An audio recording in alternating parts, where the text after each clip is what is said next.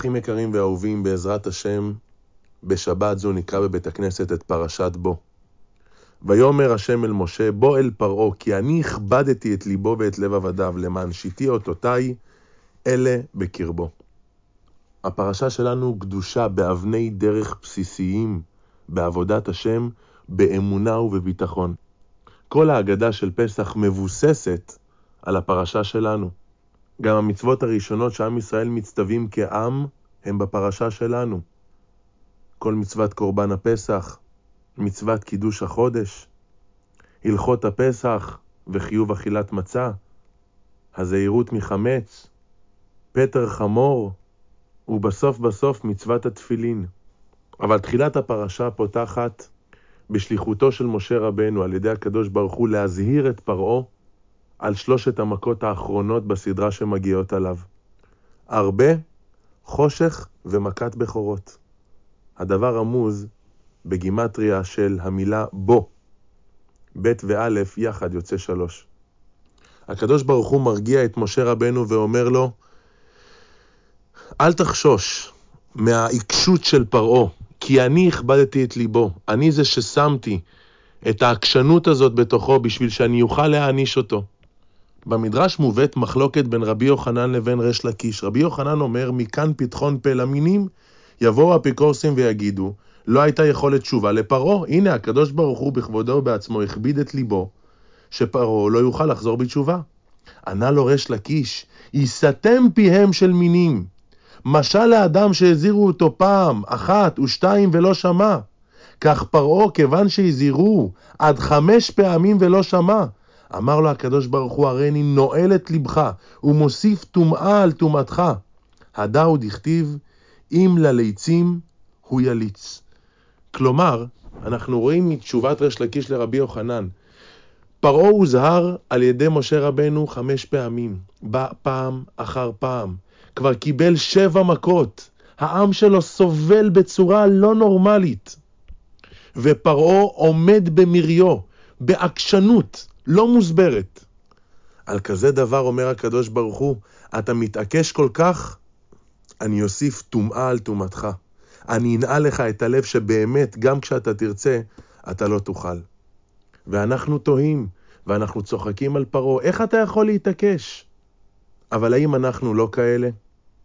יהודי נפגש עם נהג מונית, שמספר לו, הנהג מונית, שהוא בצבא היה לו אירוע מטלטל, ששם הוא ראה את אלוקים.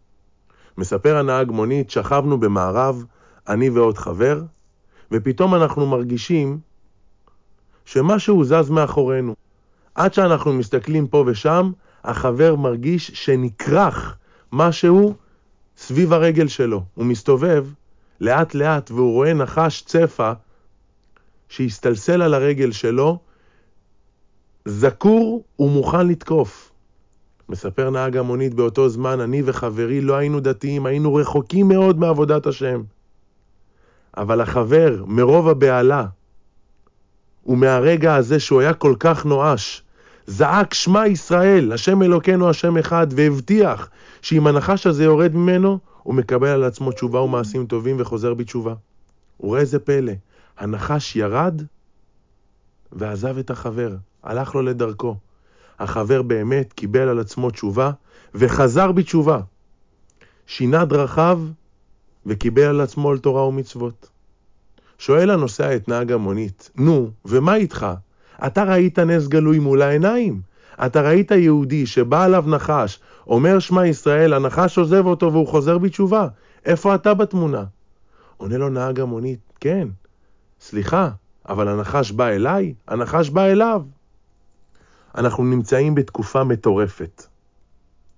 הקורונה מכה ללא רחם, מעל ארבעת אלפים הרוגים בארץ ישראל.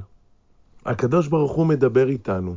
בהתחלה דיבר יפה, בהתחלה רמז, הביא את זה על אומות העולם, הלך והתקרב אלינו, הלך והגיע אל תוך המחנה שלנו, הלך והגיע אל תוך הבתים שלנו, השם ישמור.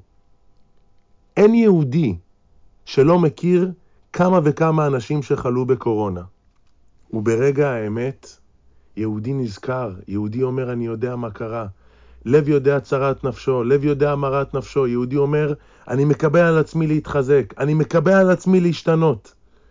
ברגע אחד מעורר לב, ברגע אחד של געגוע לקדוש ברוך הוא. אבל מה קורה אז? עובר, עובר את המחלה, עובר את הסתירה, עובר את הצריבה של הסתירה שקיבלנו מהקדוש ברוך הוא, ובן אדם אומר לעצמו, בסדר, לכולם היה, בסדר, מי לא קיבל? זה הכוח האדיר של יצר הרע. להרגיע את הבן אדם, להשקיט אותו, להשתיק אותו. הרמב"ם בפרק א' בהלכות העניות, הלכה ג' אבל אם לא יזעקו ולא יריעו, אלא יאמרו דבר זה ממנהג העולם הרע לנו, וצרה זו נקרא, נקרא נקראת. הרי זו דרך אכזריות, וגורמת להם להידבק במעשיהם הרעים. השם ישמור ומוסיף שם הרמב"ם, שזה רק ילך ויגבר. כלומר, ברגע שבן אדם מקבל סתירה מהקדוש ברוך הוא, הקדוש ברוך הוא אומר לך, תשתנה, תקבל על עצמך משהו. זו ההזדמנות שלנו, לזכור את זה ואכן להשתנות. שאם לא כך, זו דרך אכזריות. אכזריות עליך, על הסביבה שלך ועל כל העולם כולו. זו הסיבה שנתנה לנו התורה חיוב לקרוא את יציאת מצרים לפחות פעמיים ביום, ושלל מצוות שמזכירות לנו תמיד את יציאת מצרים.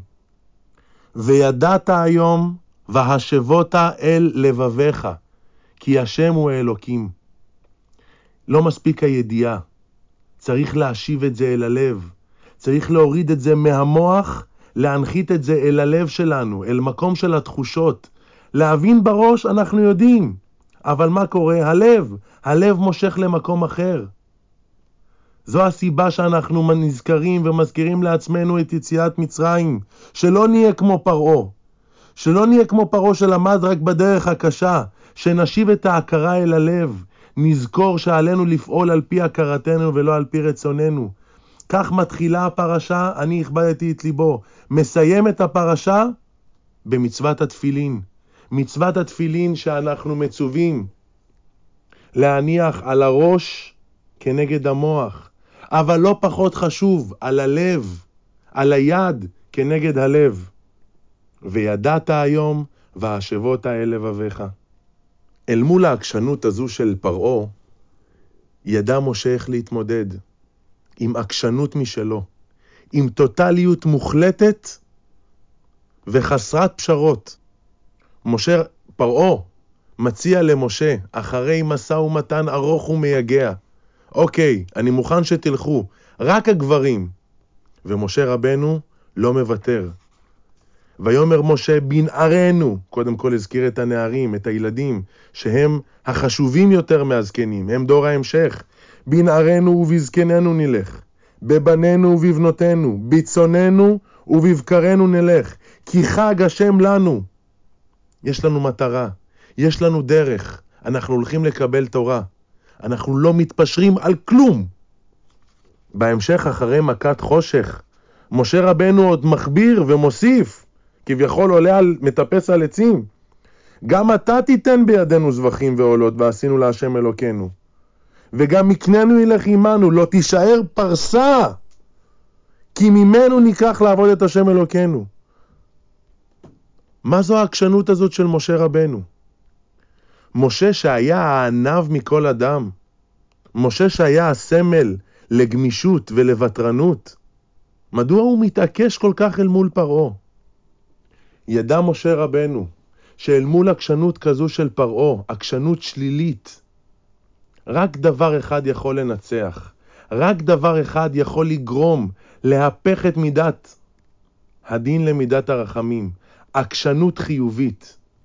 כמובן שמשה רבנו ידע את, והיה לו ביטחון מלא בצדקת הדרך.